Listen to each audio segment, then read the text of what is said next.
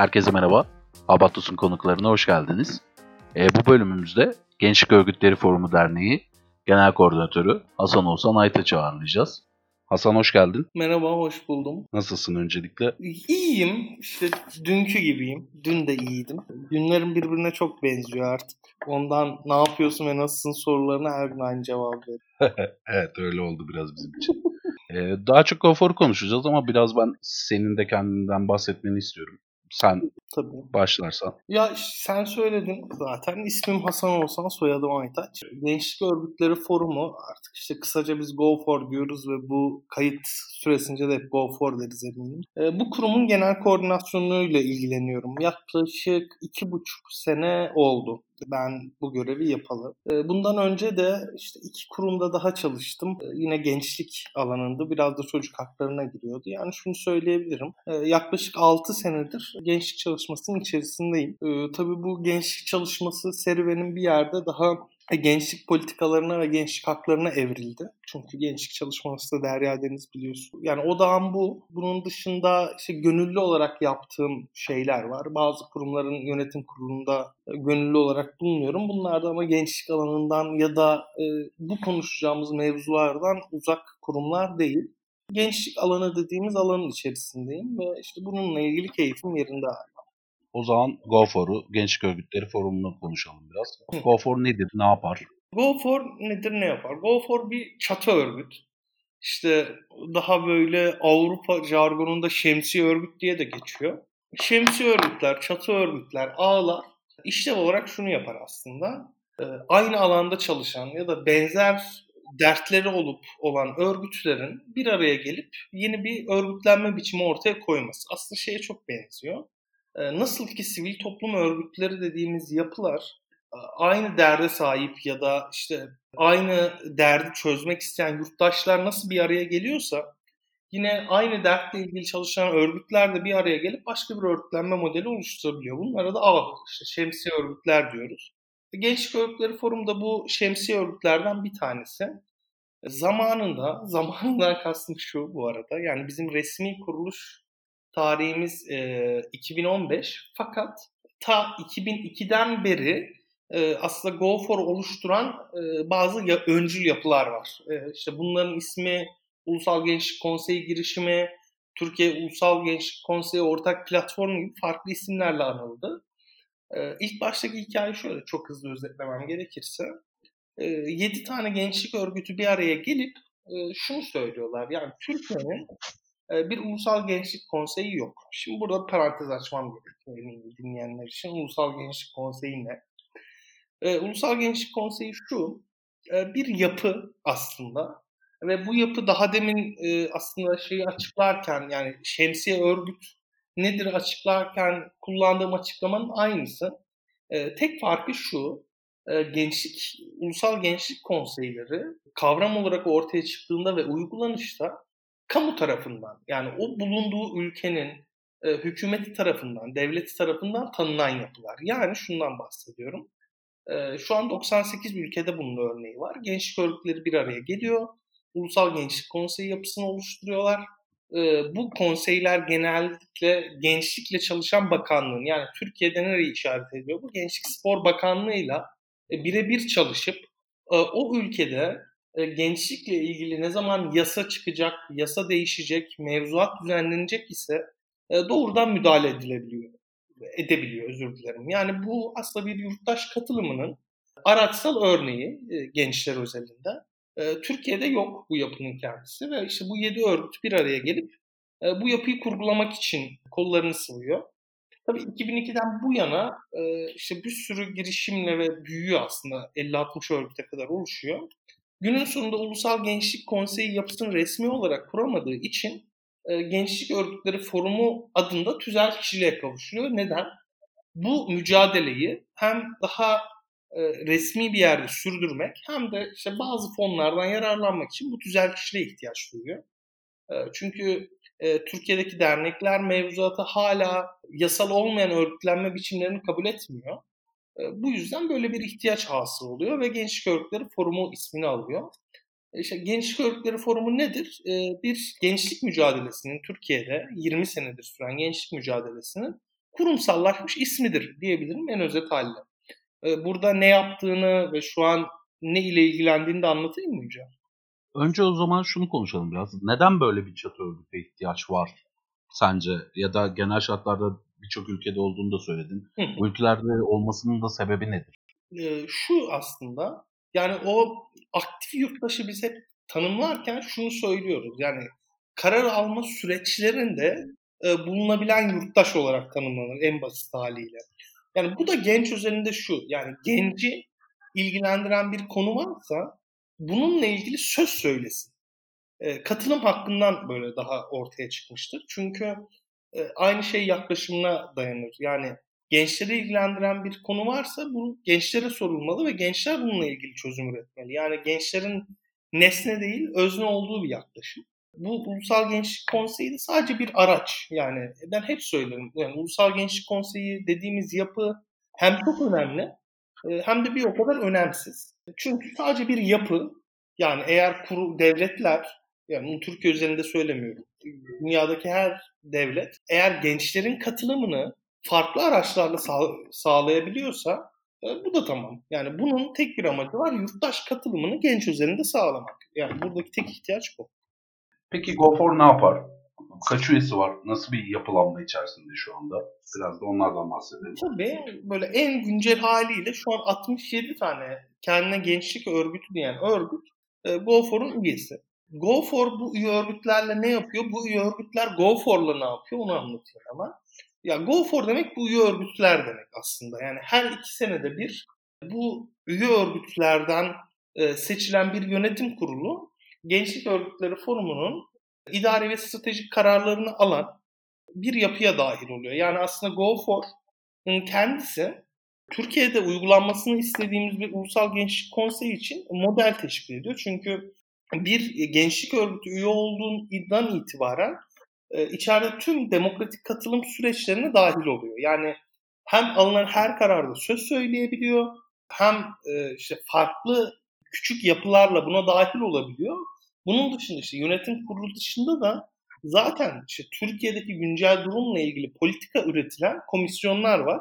Bu komisyonlar aracılığıyla da çalıştığı konuyla ilgili söz ve söylem üretiyor aslında. Yani diyelim bunu örnekle açıklamak daha kolay olacak sanırım. Çevreyle ilgili çalışan bir gençlik örgütü e, çevre komisyonunda diğer çevre çalışan gençlik örgütleriyle bir araya gelip devletin çevre ve gençlik konusunda e, yapması gerekenlerle ilgili söz üretiyor. E, birinci işlevi bu GoFor'un mekanizma olarak.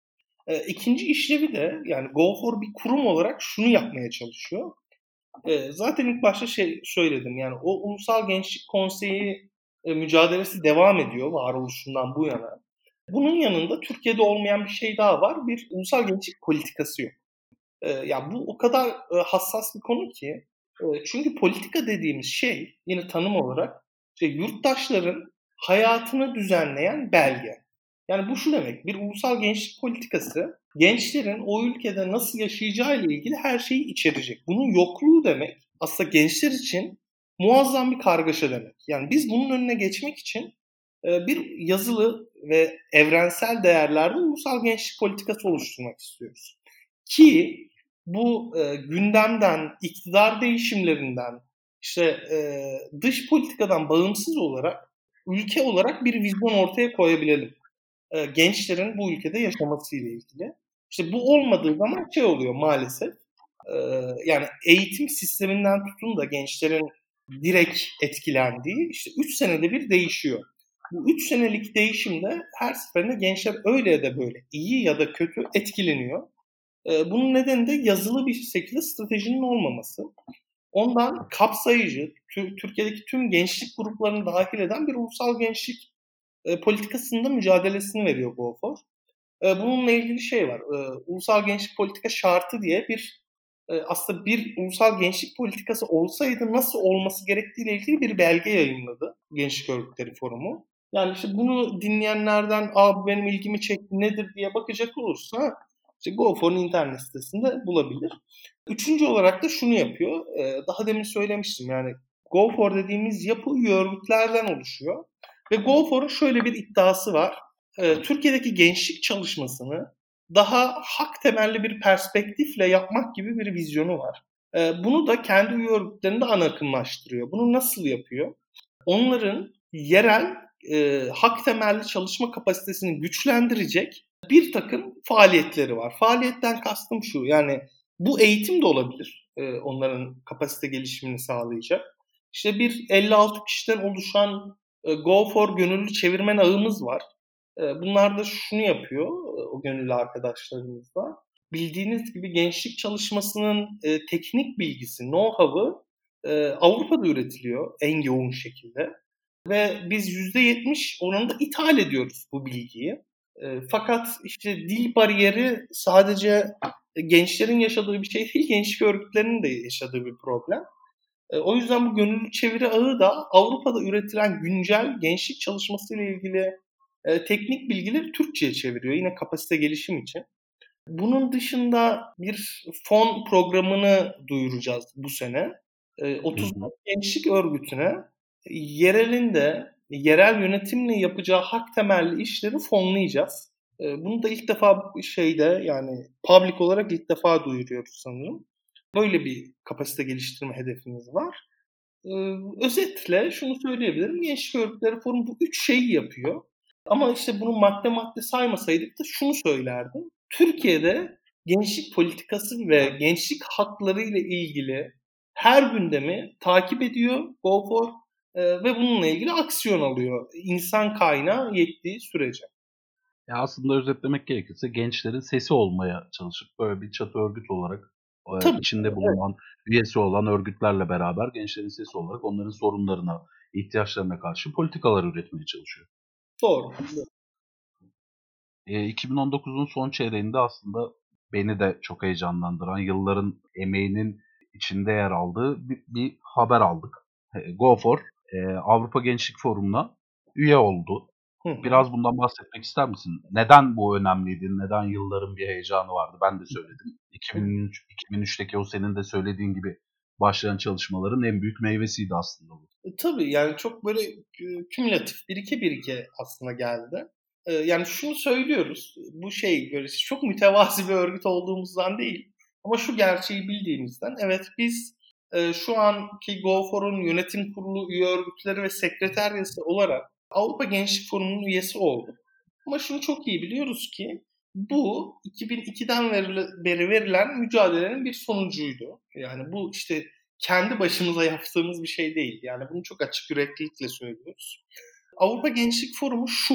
Yine ilk baştaki örneğe geleceğim. Nasıl ki yurttaşlar örgütleri, örgütler ağları oluşturuyor. Yani ee, yine ağların da bir araya gelip daha uluslararası e, arenada oluşturduğu ağlar var. Avrupa Gençlik Forumu dediğimiz yapı da uluslararası gençlik örgütlerinin ve daha demin bahsettiğim ulusal gençlik konseylerinin bir araya gelip e, Avrupa seviyesinde politika ürettiği e, bir kurum aslında. Avrupa Gençlik Forumu'nun önemli oluşu şuradan geliyor. Hem Birleşmiş Milletler hem konsey, Avrupa Konseyi hem de Avrupa Komisyonu tarafından tanınıyor.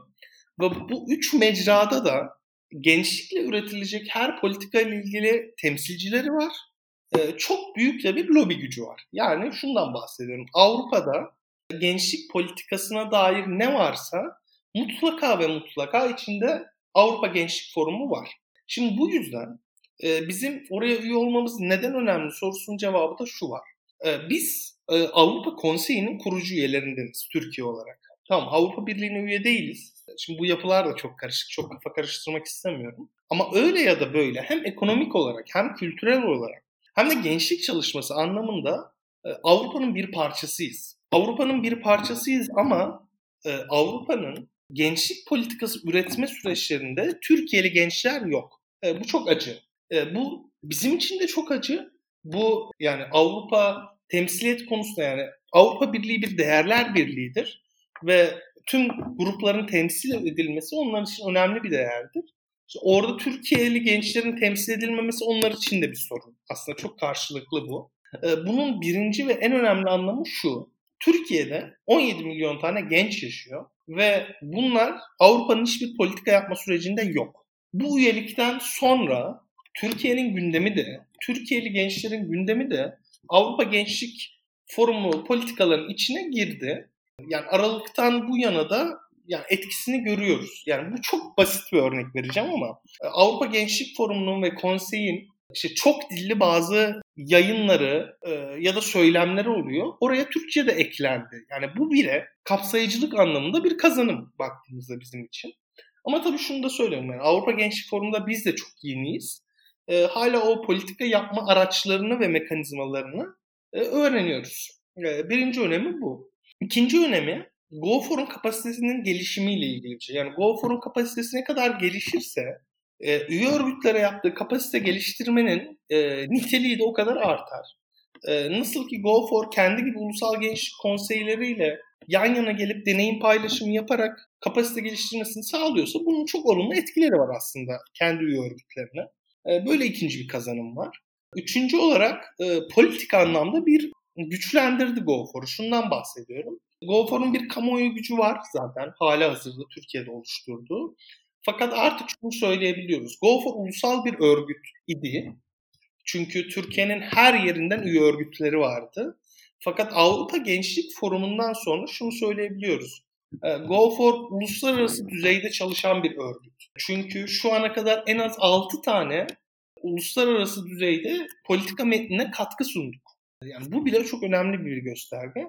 GoFor'un e, kapsamını genişletti. E, son olarak ülke içindeki yansımaları da e, ilk başta söylediğim e, şey hikayesi var mı? Yani GoFor'un varoluş sebeplerinden bir tanesi Ulusal Gençlik Konseyi olmak. Ve GoFor Avrupa Gençlik Forumu'na şu statüyle üye oldu. Türkiye Ulusal Gençlik Konseyi olarak yani Gençlik Örgütleri Forumu olarak değil. Çünkü dediğim gibi oraya Ulusal Gençlik Konseyleri dahil oluyor. Ve işte konseyin, komisyonun Birleşmiş Milletler'in tanıdığı Avrupa Gençlik Forumu dedi ki biz Gençlik Örgütleri Forumu'nu Türkiye'nin Ulusal Gençlik Konseyi olarak görüyoruz. Ya bu çok önemli. E, bu bizim mücadelemizi çok güçlendirdi. Nasıl ki daha ülke içinde devlet tarafından tanınmasak da bu tanınma sürecimizle ilgili de e, çok olumlu katkı sağladı Avrupa Gençlik Forumu süreci. Yani çok güzel özetledin sen de. Yani her ne olursa olsun Avrupa Gençlik Konseyi gibi bir yerde tanınıyor olmak, oraya üye olmak, orada bir faaliyet göstermek bile çok ciddi bir referanstır. Yani Tabii. bu hem üye örgütler için hem de GoFor için öyle zaten. Şimdi de biraz GoFor'un bir projesi yani son zamanlarda yaptığı bir projesinden bahsetmek istiyorum. Onu soracağım sana. Covid-19 problem haritası. Bence çok önemli bir ihtiyaca yönelik bir etkinlikti, bir yapılan bir olaydı. Biraz da ondan bahset istersen. E, tabii e, harita bizim için çok yeni. Problem haritası. covid.go-for.org adresinden erişebilirsiniz. E, harita şu aslında. Çevrim içi katılımcıların kendilerinin katkı sunabildiği çevrim içi bir harita aslında. Hem de açık kaynak kodlu. Bu haritanın ortaya çıkışı şöyle aslında. Yani tam pandemi ülkeye geldi, e, kurumlara da geldi ve biz ilk, afalladık. E, dedik tamam şimdi evlerdeyiz e, ne yapacağız? E, yani bir iki hafta ne yapacağımızla ilgili çok kafa patlattı. Ama iki hafta bizim ne yapacağımızla ilgili şeyi söyleyen şey şu oldu yine ülke gündemi. Çünkü şu zaten beklediğimiz şeylerden bir tanesiydi. Yani gençler sırf genç oldukları için dezavantajlılar. Yani bu iş hayatında da böyle, sosyal hayatta da böyle, e, hayatın yani her yerinde e, genç olmanın dezavantajını yaşıyorlar öyle ya da böyle. Ve pandemi bu e, dezavantajı daha da derinleştirdi ve görünür kıldı aslında. E, biz hiç şeyi tartışmıyorduk belki. GoFor olarak burada yani öz eleştirimiz de olabilir bu. Bir dijital araç sunarken ya da e, bir duyuruyu internetten yaparken bunları hep gençlerin erişebileceği varsayımıyla yapıyorduk. Ama şimdi pandemiden sonra tüm eğitim öğretim online'a taşındı, dijitale taşındı. Ve o zaman şunu görebildik biz de yahu bu ülkede internete ve bilgisayara erişemeyen gençler var ve e, inanın bana az değiller. İşte pandemiyle biz de yeniden bir öğrenme sürecine girdik aslında. Ve işte GoFor'a kurumsal olarak çok e, geldi. Yani bu söylediğim gibi yani e, bilgisayara internete erişemiyorumdan tutun da işte ben UML çalışıyordum ya da ben hizmet sektöründeydim işsiz kaldım. E, şu an hiçbir sosyal haktan faydalanamıyorum'a kadar. E, skala çok geniş birden böyle hak ihlalleri çok görüncü oldu. Biz de dedik ki yani şimdi GoFor'un varoluşu zaten bu hak ihlallerini gündem yapmak. Ama yetişemedik. Gerçekten yetişemedik. Yani bir anda şey geliyor. İşte iş yerinde sömürülen gençlerle ilgili haberler geliyor. Tam onunla ilgili işte bir şeyler konuşuyoruz, yazıyoruz, çiziyoruz. Çat o anda da şey geliyor işte KYK yurtları mesela hızlıca boşaltıldı ve karantina alanları olarak belirlendi. Tamam bunda hiçbir beis yok bu arada. Fakat kimse şeyi konuşmadı mesela. Ya oradaki gence ne oldu? Nereye gitti? Evet. Evine ulaşabildi mi? Ee, ya da aynı zamanda seyahat kısıtları kaldı. Acaba o şehirde kapana mı kısıldı o genç? E, gibi kimsenin sormadığı sorular bizim gündemimiz oldu. Sonra bir anda yüzümüzü şeye çevirdik. Bu barınma hakkına çevirdik. Derken dedik ki bizim insan kaynağımız şu an pandemide yaşanan hak ihlallerine yetişemeyeceğiz biz. Yetişemeyeceğiz yani. Ne yapalım ne yapalım derken e, aslında biraz şeyden esinlendik. E, burada da böyle reklamını yapmaktan böyle onur duyacağım şey. Haras Map var. E, böyle evet. sen de anlat Me Too akımıyla daha böyle popüler oldu. E, aslında kamusal alanlarda yaşanan tacizleri haritalandırabildiğiniz bir sistem Haras Map. E, yani kullanıcılar oraya eğer böyle bir olay yaşadıysa giriyor ve lokasyon bazlı olarak herkesin erişimine yani bilmem ne sokağında bilmem ne noktasında e, bir taciz olayı yaşandı diye e, bu yaşanan olayı e, kamusal alana taşıyor. Tartışmanın kendisinde. Çok güzel bir model. E biz buradan esinlendik aslında. Dedik ki tamam şu an çok fazla hak ihlali var. Ondan bu hak ihlali olan özneler buraya girsin. Hem ilk başta da söylediğim o özne yaklaşımını da e, içerecek bir sistem kurguladık. Sistem şöyle çalışıyor. Ee, bir genç işte pro- problem ekle butonuna tıklayarak yaklaşık 45 saniyede hem ilçe bazlı hem mahalle bazlı Covid nedeniyle, pandemi nedeniyle yaşadığı hak ihlali problemi oraya girebiliyor. Şimdi bu ne işe yarayacak? Şu işe yarayacak. Üç tane hedefimiz var bu haritayla ilgili. Ee, birincisi şu, problemleri görünür kılmak. Yani yani problemi görünür kılarsak çözümü de görünür kılabiliriz. Yani bizim e, savunculuk stratejimiz de böyle işliyor. Ve savunculuk stratejimizin en önemli ayağını kanıt temelli savunuculuk oluşturuyor. Kastım şu. Bazı taleplerimiz oluyor ve görev sahipleri de haklı olarak diyor ki tamam talebini anlıyorum. Peki bu talebin e, oluştuğuna dair kanıtın ya da verin ne? Bu çok yerinde ve doğru bir soru aslında. Biz de bu soruya cevap verebilmek için e, kanıtlar oluşturuyoruz aslında. Yani bundan iki ay sonra şunu yapabileceğiz artık. E, yani pandemi bir krizdi ve bu kriz yönetiminde gençler şu hak ihlaline uğradı. Bu kriz şöyle kötü yönetildi. Bu krizin şöyle iyi yönetilen yerleri vardı. Başka bir krizde yani bu doğal afet de olabilir, ekonomik bir kriz de olabilir.